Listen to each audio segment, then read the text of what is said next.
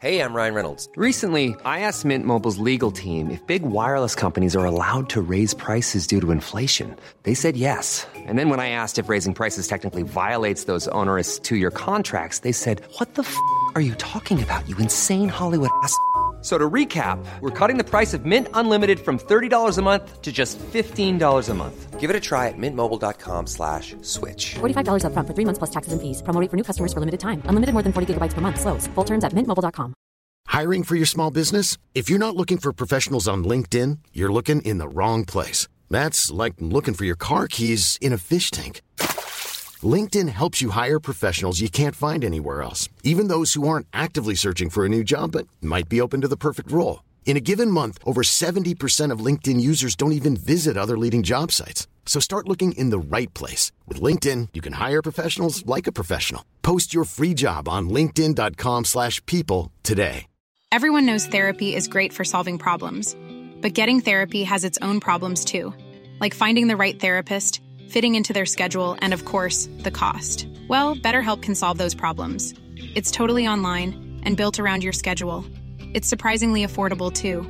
Connect with a credentialed therapist by phone, video, or online chat, all from the comfort of your home. Visit betterhelp.com to learn more and save 10% on your first month. That's BetterHelp H E L P.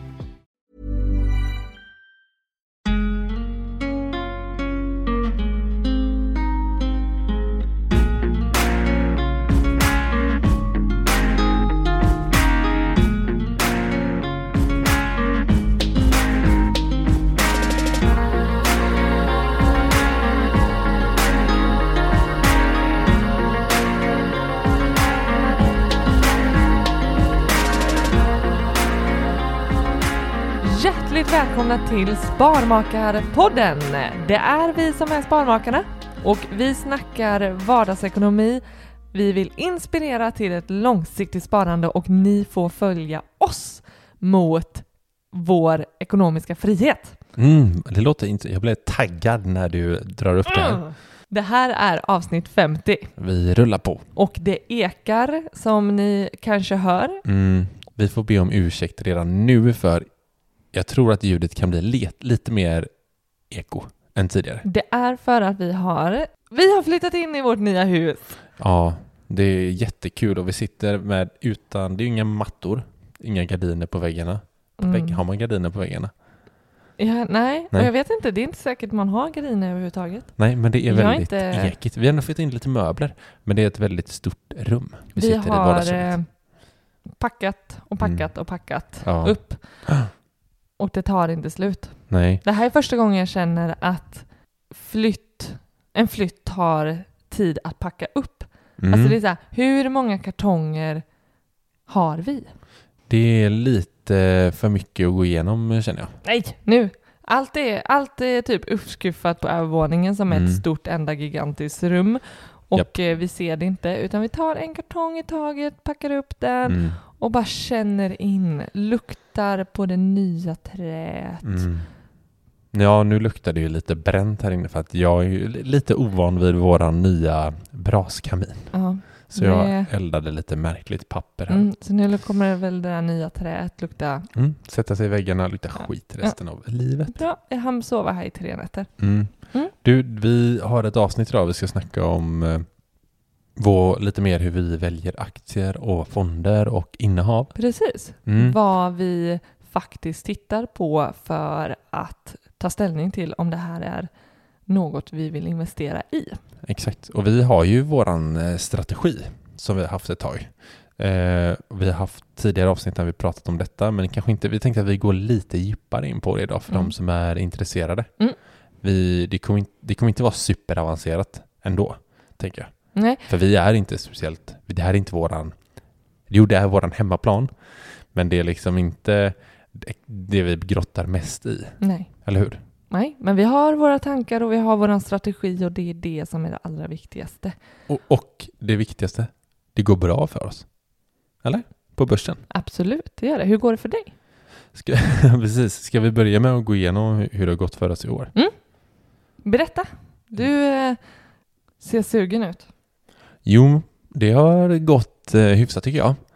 Jag har gjort ungefär 35 procent hittills i år. Mm. Eh, vilket jag är extremt nöjd med. Det är ju, vi tävlar ju alltid, inte mot varandra, för vi har varsin portfölj. Du och jag? Ja, men vi tävlar för att mina pengar är dina älskling. Mm. Eh, utan vi tävlar mot OMXS30. Mm. Så att eh, OMX har väl gått 25 och jag 35. Så jag leder Nej, just nu nu. ljög du. tio- vad, nej, vadå? I år? Ja, i år. Jag tittade Mm. på ett år. Mm. Ja. I år. 25 procent, jag är 35. Så jag leder med 10 procent. Det... Så just nu Känns väl så bra. det känns jättebra och Mm. jättekul.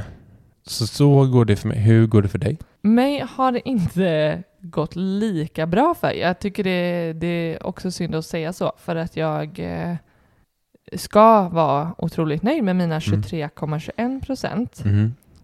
Och då, ja, att tävla mot OMX 30, det gör vi ju alltid såklart. Mm. Men någonstans i botten blir det allra viktigaste att ändå slå, eller åtminstone hålla den målsättningen vi Mm. har Mm. För att nå ekonomisk frihet. Precis. Och då har vi ju ett snitt på Åtta. 8 procent. Mm. Så det går ju inte på något sätt vara besviken med dryga 23 procent. Det, Nej, det hade, känt, det hade känts konstigt Mm. om man bara, fan Mm. jag gjorde bara 25 procent i år. mm, Eh, det hade varit riktigt märkligt. Vi har ju, jag tror vi har räknat ihop vårat CAGR tidigare, mm, som är liksom vad vi gör årligen sedan vi började. mm, Och vi ligger på 20-21 procent någonting. Mm. Och vi räknar med 8. Så just nu ligger vi väldigt fint till. Mm. Får man ändå säga. Mm. Eh, vi har inte hållit på jättelänge men ändå typ 10 år på börsen. Ja. Eh, i olika, ja, I början kanske var lite fonder och sådär men nu har vi ju gått vidare mer på aktier. Då. Vi har ju inte bara din och min portfölj, utan Mm. vi har ju också lilltjejens portfölj Mm. som vi tidigare hade i en fondrobot. Mm, precis. Egentligen dryga nio månader, hennes Mm. nio första månader i livet.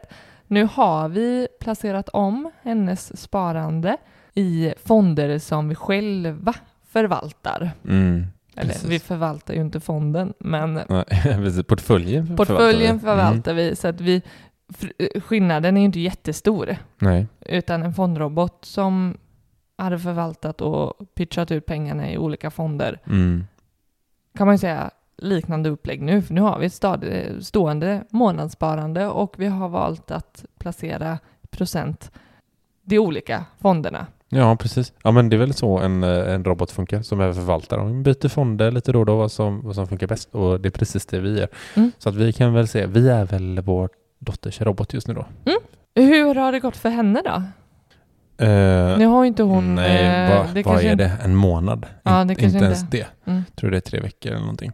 Eh, 1,4 procent. Mm. Så hon, hon gör sina cash. Mm. Hon kommer ha bra med deg dagen hon Nu fyller jag inte- 18. Ja, men nu kommer inte jag ihåg hur låg det till när hon fortfarande hade pengarna i fondroboten. Vad hon hade gjort då? Ja. Mycket, typ s- mm, 16-17 procent. Mm. Tror Mm. Så att eh, det var därför jag kände att ja, men vi kanske kan göra det här bättre till och med. Mm. Utvecklingsmässigt. Mm. Sen får vi se. Vi kanske byter tillbaka. Mm. Who knows?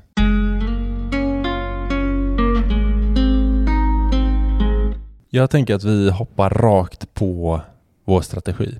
Jag, jag har gjort 35 procent. Du har gjort 23-24. Mm. Hur gör vi då för att välja ut vårt innehav? Mm.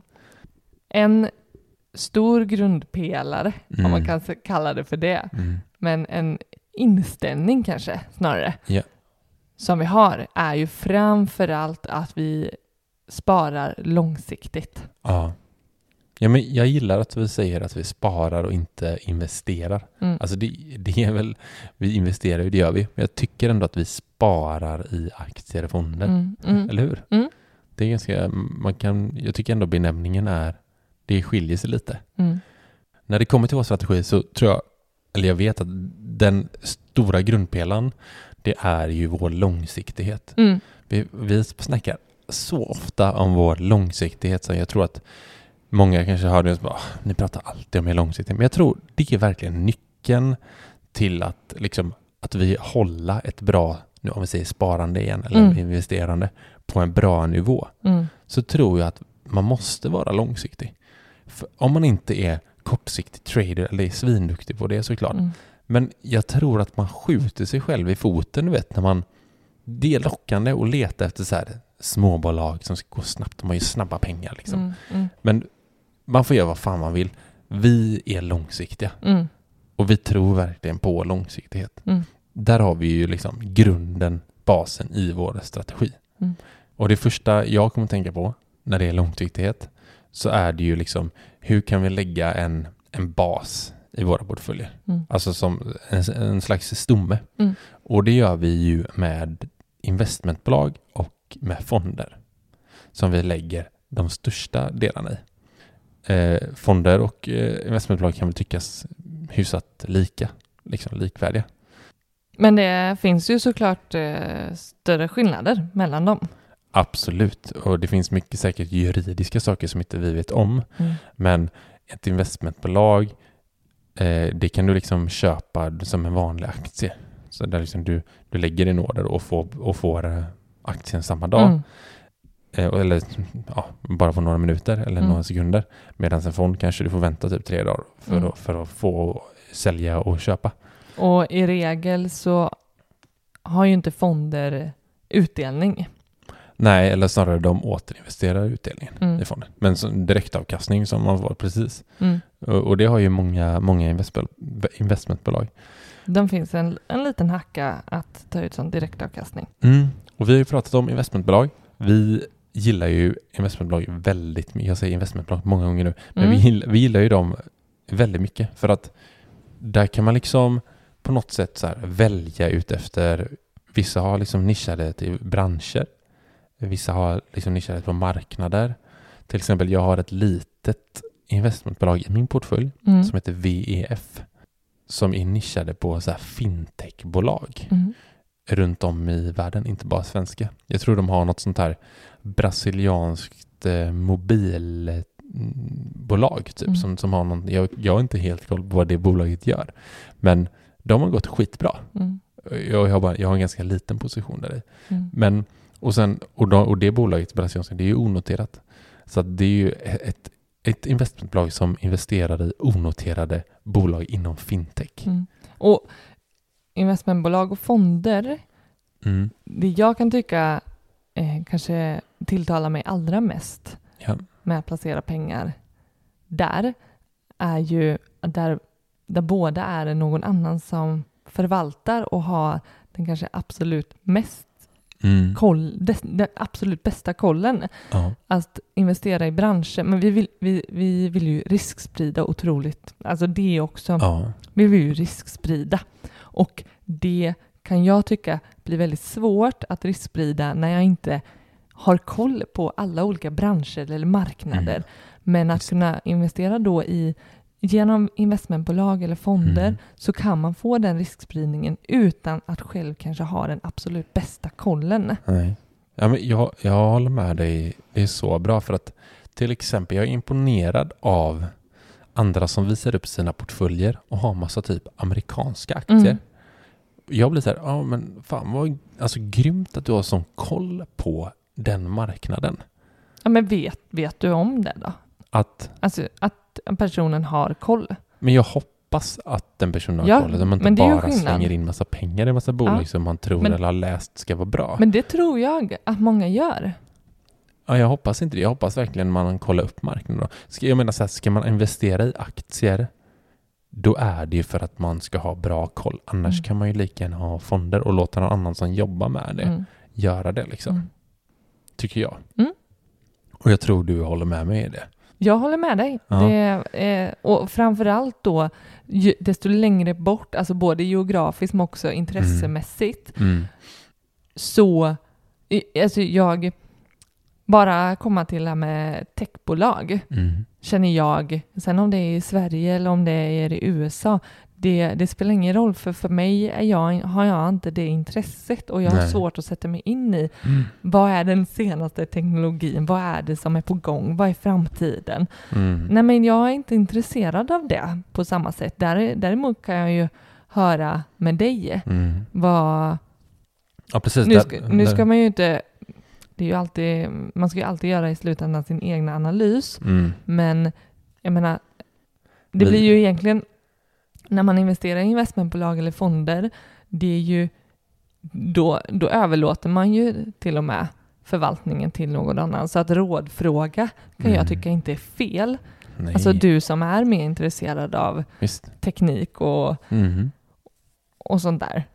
Ja, och sånt där. Och sånt där. Sådana där nymodigheter. Nymodigheter Ja. som, eh, som man nu ska hänga med i. ja. Då, då tycker jag det är jättebra att ta hjälp av dig till exempel. ja, och det, det är samma, det är därför vi typ så här, om en typ en Asienfond, en Mm. global USA-fond Mm. till exempel. Mm. Och sen, för de aktierna vi äger, Mm. det är ju i svenska bolag. Mm. För att vi tycker att här har vi ändå tid och känner att här, här kan vi ha koll på Mm. riktigt. Liksom. Läsa rapporter, ha koll på bolagets liksom rent så här, ja men det fundamentala. Mm. Så att, eh, mm. Ja, jag tänker också det handlar om att, att kanske välja och rikta in sig på vad man, eller, eller så här, hur mycket tid har jag att sätta mig in i är Mm. riktigt, riktigt bra? Mm. Ja, men okej, ja, ja, men det kanske skulle vara en marknad i, i USA Mm. som i, inom den här branschen. Visst. Ja, men här vill jag ha jävligt bra koll. Mm. Jag lägger min tid på att verkligen ha koll på de här bolagen som jag sedan investerar direkt i. Ja. Men då kanske jag hade överlåtit marknaden i Sverige styras av en fond. Mm. Inte vet jag, men jag tänker så här, vad, vad har jag för tid och hur, vad, vad ska jag lägga den tiden på? Mm. Ja, det finns säkert eh, många som eh, investerar i typ så här utländska aktier och har stenkoll på dem. Mm. Det är bara att hatten av. Vi klarar inte av det. Så Vi, är det. vi avstår där och lägger tiden på att ha koll på våra svenska bolag som vi investerar i. Ja, men kan du bara säga några, om, om lyssnarna vill veta, vad har du för investmentbolag? Några, du kan bara dra några och fonder. Bure Mm. Equity Mm. har jag haft ett eh, bra tag. Mm. Jag har Kinnevik, Mhm. Fint. Investor, Mhm. Ja, stora fina eh, investmentbolag. absolut. Själva. Ja, fonder frågar du också. Ja. Fonder, ja men en Asienfond, en global fond, Mm. AUAGs eh, fonder, både Silver Bullet och eh, Precious Green Mm. Precis. till exempel. Ja, det där är ju också ett fantastiskt sätt att risksprida. Mm. Så här, nu trycka in lite ädelmetaller i portföljen. Mm. Mm. Herregud, det är ju Mm. grymt. Ja, det är hur bra som helst. Inte bara nischat olika geografiska områden Nej. utan som sagt Råvaror. olika branscher. Mm. Mm. Precis. Nej, men jag tycker det är superviktigt. Mm. Jag har inte Kinnevik, jag har både Investor och Bure. Men jag har typ Latour och sen det här VEF. Och sen har jag några till, för jag tycker investmentbolag är fantastiskt. Eh, Jag tror det har framgått nu. jag tror också det.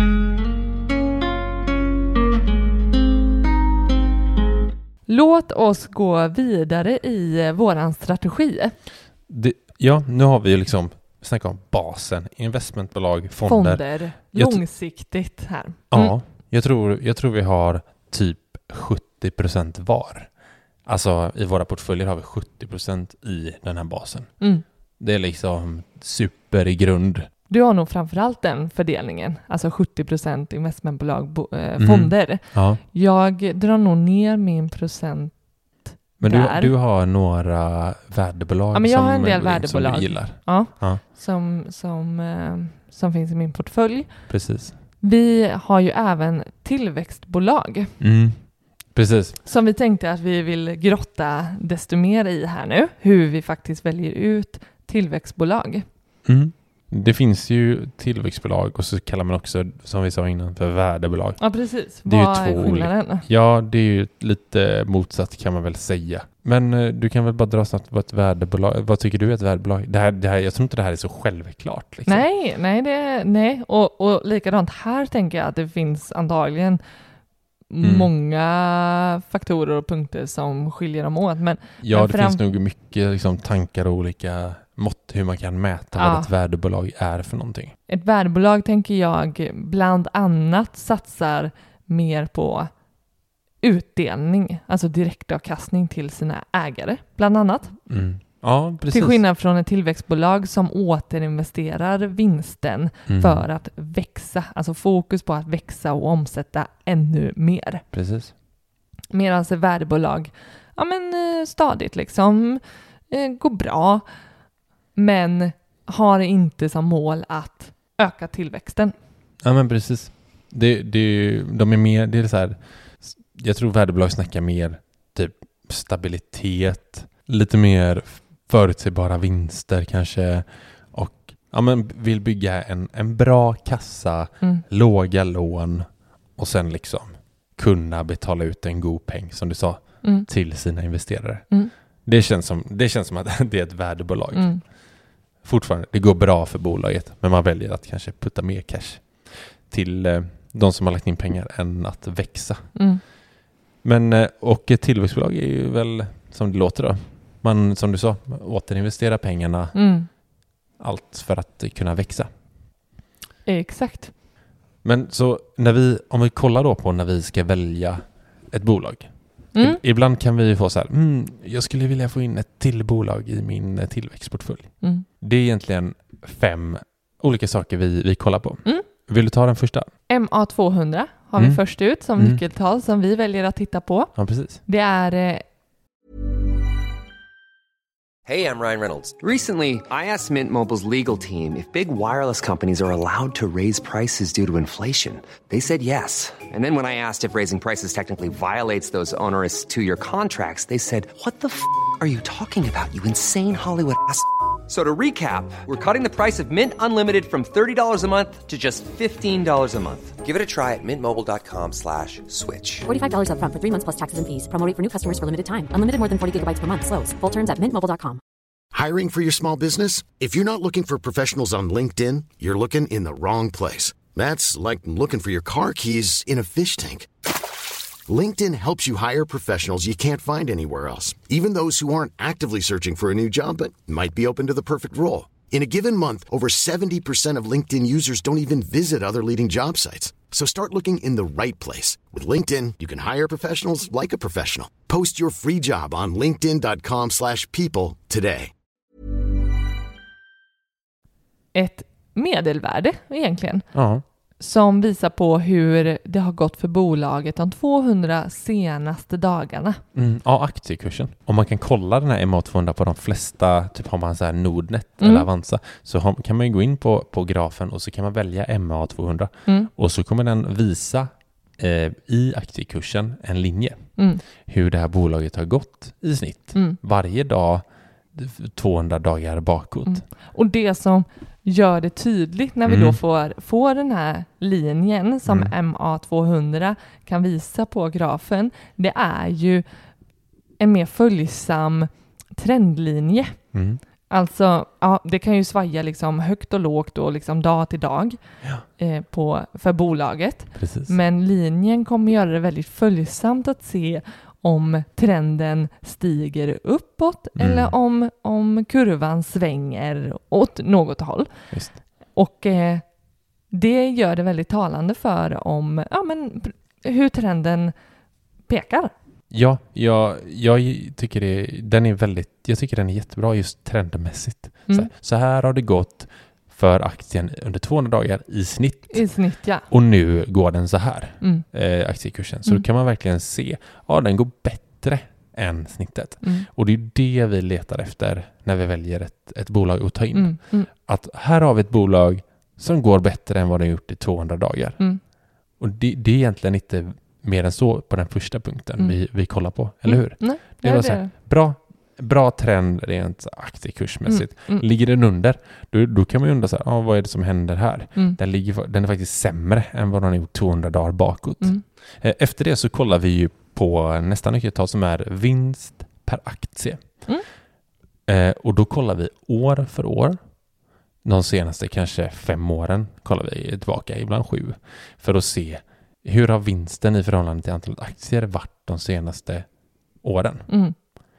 Och då, det, det är ju supersimpelt. Det är verkligen Mm. som det låter. Alltså vinsten i bolaget det Mm. året, det du behöver ta reda på är ju antal aktier som bolaget har. Mm. Och eh, ta vinsten delat på antalet Mm. aktier och så får du en vinst per aktie.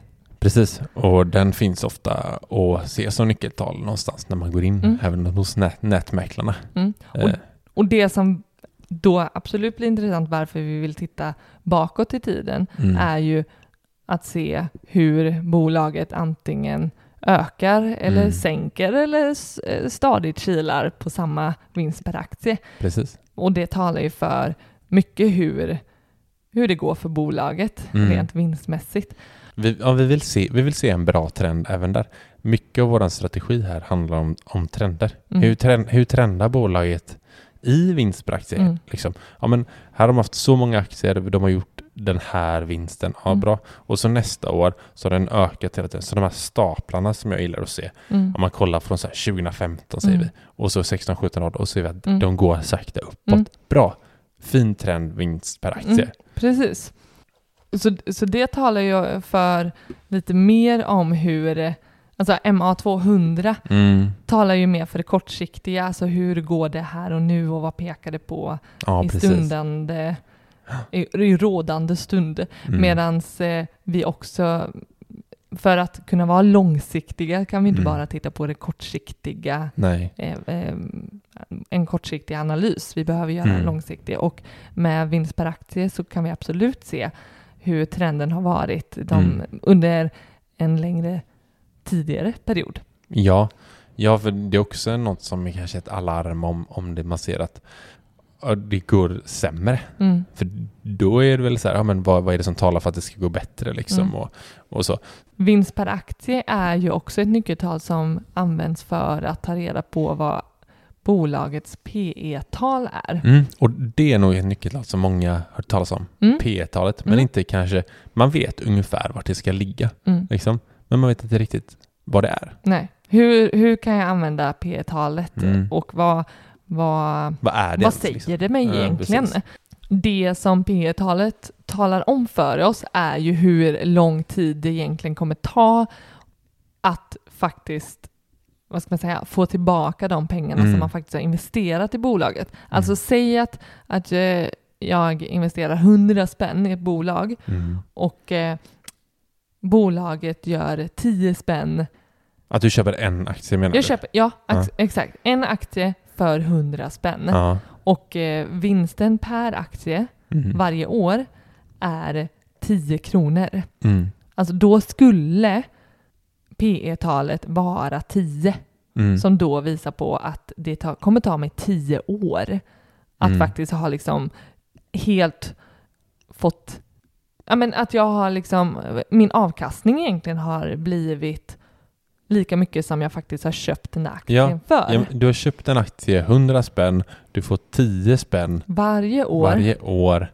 Då tar det 10 år. Mm. Så, ja, det är vad vinst per aktie ofta används till.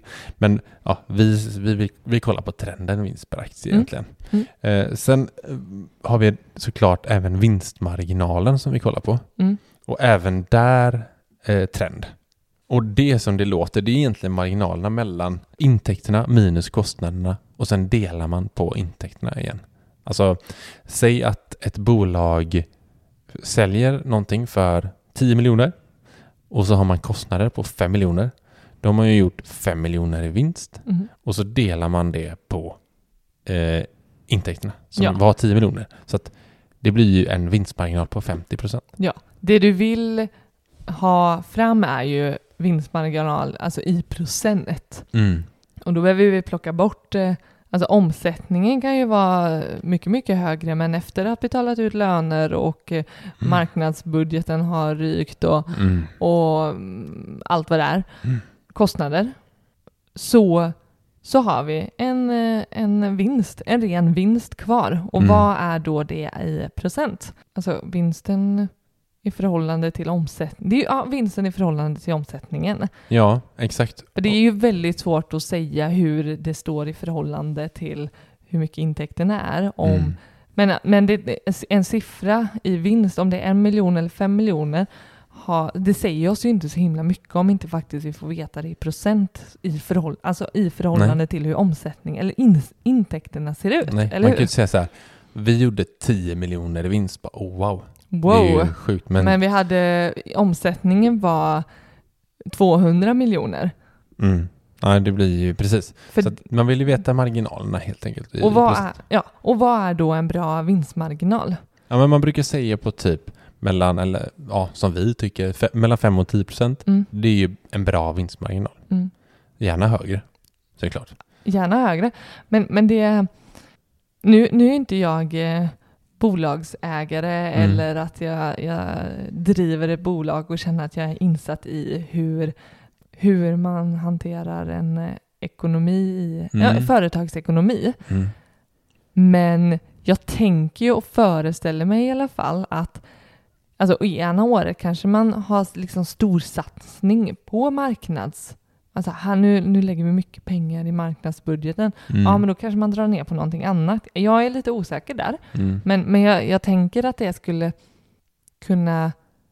Det kommer ju såklart påverka vinstmarginalen. Säga att man säger men nu satsar vi på det här för att vi ska kunna öka Ja, i tänker, tillväxt kanske åren två, tre år längre fram. Mm. Så det som är mycket intressant är också att se tillbaka på åren hur vinstmarginalen har sett ut. Mm. Ja men precis, och det är ju det vi följer med det här nyckeltalet. Mm. Det är även här, hur har det gått tidigare år? Har de, hur många procent, är det 4, 5, 6? Alltså en Mm. stadig ökning Mm. av eh, vinstmarginalerna. Mm. Så att eh, ja, den, den är, det är ju våran tredje nyckeltal, det kollar vi på. Sen var fjärde då, då kollar vi på omsättningen. Mm. Det är ju eh, inte svårare än så. Eh, det är som det låter. Alltså hur, hur mycket försäljning har vi haft? Liksom, Till exempel då. Mm. För att eh, man vill ju att ett bolag ska öka sin försäljning helt Mm. enkelt. Och inte stanna av. Så det är ju även där trend. Mm. Hur går det? Kolla bakåt i tiden. Mm.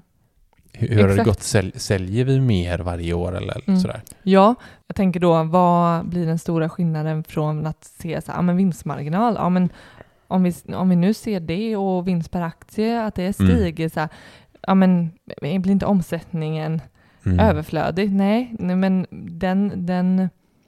Vi skulle ju kunna ha kvar och behålla vinstmarginalen genom att sänka utgifterna, men ändå, ändå behålla vinstmarginalen, till exempel. Men eh, omsättningen vill vi ju se öka Mm. år för år. Ja, ja, har man liksom en om, omsättning som ökar för år till år även, och en vinstmarginal som ökar år till år och liksom de här vi pratar om vinst per aktie som ökar år till Mm. år Ja, och en vi ju... aktiekurs som håller eh, en trend över 200 dagar. Mm, Alltså där någonstans är det är ju jättebra. mm, Eh, och då kommer vi ju in på det femte och sista som vi håller väldigt varmt om hjärtat. Och det är Eh. PEG-tal. Ja, många pratar om P tal Mm, och absolut, det är ett bra tal. Men vi tittar väldigt mycket på PEG. PEG. Och det talet, det visar egentligen relationen mellan en akties P-tal och vinsttillväxten. Alltså, alltså man vill se om en aktie är dyr eller billig mm, när man ska köpa den. Och det är Mm. liksom det sista vi vill se. Okej, ska jag köpa den här? Hur är den dyr eller billig för Ja, oss att, köpa? ja. Är den undervärderad eller övervärderad? PEG-talet räknar man ut genom att ta P-talet delat på vinsttillväxten. Och då får man ett tal. Och vi brukar gå på, är talet över typ en och en halv Mm, så är det övervärderat. Då är aktien dyr. mm, Och är den under så är den snarare billig då. mm. Vi kanske tittar ibland ännu lägre. Under en till och med. Det talar ju om för oss ifall det är ett köpläge eh, Ja, egentligen. så de fem, det är de fem vi kollar på när vi väljer tillväxtbolag. Ja, och jag tänker nu har vi rabblat eh, en hel del så här, eh, matematiska uträkningar, hur, eller hu- Mm. alltså hur man faktiskt får fram Mm. de olika eh, nyckeltalen och det är ju inte det som är det viktiga. Nej. För jag själv känner att det här kan jag, ja, det här behöver jag liksom uppdatera mig på hela tiden och liksom Ja. påminna mig om, och liksom, ja just det, ja och så vinsttillväxten, ja men, ja, men det jag, jag är inte lagd så i alla fall att Nej. att förstå mig på uträkningarna. Däremot behöver jag förstå vad nyckeltalen talar om för mig. Precis. Och det är ju det som är det viktiga. Alltså vi har hur många verktyg som helst på nätet som bara Mm. langar alla nyckeltalen. Det är bara att gå in på ett bolag och så har du liksom en sammanställning. Mm. Och, eh, och det är ju det som, som blir det viktiga. Alltså vad är det jag tittar efter om jag vill, om jag, om jag ser PEG-talet, vad är det jag ska titta efter för Mm. att det ska vara liksom en positiv indikation för mig? Och, och, Mm. Ja, men varför är det här tal, nyckeltalet bra? Mm. Och hur ska den, ja, grafen det kanske är det absolut enklaste. Ja, men en graf som pekar uppåt, ja men det, Mm. det ser Ja. bra ut. Ja, men det Vare skulle man kunna göra med den här strategin. Mm, Ja, men alla här ska peka uppåt, bra trender uppåt. Mm. Bra, jag köper de här. precis. Eh, Sen, sen blir det ju en sammanställd bedömning ja, på. Det är klart att nu, nu det kommer inte vara så enkelt som att det är liksom check, check, check, check. nej, nej, nej. Så, utan det kommer så här, ah, lite svajigt där något år. Mm. Du, och här är liksom, är den kurvan hur den har liksom lite uppåt, lite neråt och var, Mm. vart är den på väg? Är det här en bra trend? Ja, och sen så här, ja, det, nej men det, det, det är ju en balans i att ha för många Mm. nyckeltal. Visst. För då kommer vi nog aldrig hamna i, i ett köpläge. Samtidigt som för få nyckeltal kommer ge oss en bristfällig eh, analys. Mm. Ja, Men, och där har vi landat i att de här fem nyckeltalen, det är de som vi, vi tycker är viktiga att ta med i vår beräkning när vi tittar på tillväxtbolag. ja, precis. Man kan ju grotta i olika, alltså så, så mycket nyckeltal det finns. Vad ska man titta på? Mm. Ingen aning. Vi kollar på dessa. Mm. Och det har hittills gått bra återigen. Mm. Det är så som vi analyserar tillväxtbolag Mm. framförallt. Men även ja, med aktier och fonder, vilka vi väljer. Det finns ju såklart andra sätt. Och vi har ju ett eh, grymt samarbete med Sigma Stocks Mm. som är en aktierobot. Och det, jag tycker det är perfekt alltså, att ha lite även i Sigma Stocks. Alltså som, som en slags riskspridning Ja. Att låta någon annan, då snackar vi inte bara liksom fonder eller investmentbolag utan man liksom överlåter hela förvaltningen av aktier. Mm. Tidigare har vi pratat om fondrobotar så, som liksom handlar i fonder. Sigma Stocks handlar ju i, i rena aktier Mm. åt en. Mm. Och den gör det till en av marknadens lägsta avgifter. Mm. Vilket är mellan 0,35 och 0,39 procent. Och då inklusive courtage. Alltså ofta är courtagen dyrare när man köper Mm. aktier. Det, jag tycker, det, det, är fantastiskt alltså. Sigma Stocks som är en aktierobot är ju ett otroligt bra alternativ för den som känner sig lite främmande till att på egen hand investera i aktier. Och, och även också, jag tänker att folk som känner sig bekväma att investera i aktier, Mm. att lägga en liten del hos Sigma Stocks som låter liksom, dem sköta en annan del av Mm. sitt innehav. Mm. Och att man kan följa utvecklingen i, på deras hemsida. Man, kan, Mm. man får ett inlogg och man kan logga in och eh, hålla koll på sina portföljer när de förvaltar. Mm. Det bästa är att spara långsiktigt och månadsspara varje månad och liksom diversifiera eller risksprida. Så gå in på sigmastocks.com och spana in dem, testa tjänsten. Men kom ihåg att det alltid är en risk att handla i aktier eller på börsen överhuvudtaget. Nu behöver vi lägga ner här. Vi har uppdrag flyttlådor som står och eh, hoppar här runt omkring oss. Precis. Vinglasen ska ha sin plats i eh, köksluckorna. Men det hittills har det ju framförallt varit roligt att plocka upp köket. Det är det man inser. Eller jag inser att det är det som är roligt. Det är att plocka upp köket och sen så bara okej, nu är det inte kul. Mm. Ja men verkligen. Men eh, jag hoppas ni tyckte att det här avsnittet var intressant. Mm. Så hörs vi igen nästa vecka. Det gör vi. Glöm inte att skriva till oss om vad ni tyckte om dagens avsnitt. Ni kan skicka till sparmakarna at gmail.com eller direkt eh, på vårt Instagramkonto där vi heter Sparmakarna. Precis. Ha det så bra. Hej då!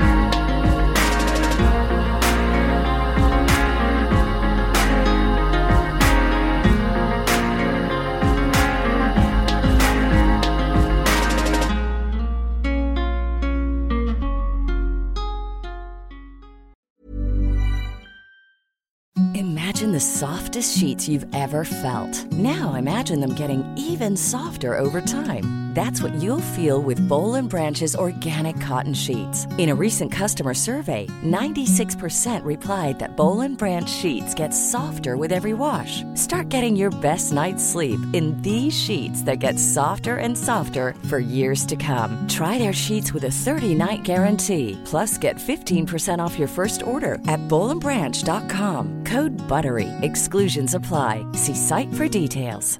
Hi, I'm Daniel, founder of Pretty Litter. Did you know cats tend to hide symptoms of sickness and pain? I learned this the hard way after losing my cat, Gingy. So I created Pretty Litter, a health monitoring litter that helps detect early signs of illness by changing colors, saving you money and potentially your cat's life. Pretty Litter is veterinarian developed, and it's the easiest way to keep tabs on your fur baby's health right at home. Go to prettylitter.com and use code ACAST for 20% off your first order and a free cat toy. Terms and conditions apply. See site for details. Planning for your next trip? Elevate your travel style with Quince. Quince has all the jet setting essentials you'll want for your next getaway, like European linen, premium luggage options, buttery soft Italian leather bags, and so much more. And is all priced at 50 to 80% less than similar brands. Plus, Quince only works with factories that use safe and ethical manufacturing practices. Pack your bags with high-quality essentials you'll be wearing for vacations to come with Quince. Go to quince.com slash pack for free shipping and 365-day returns.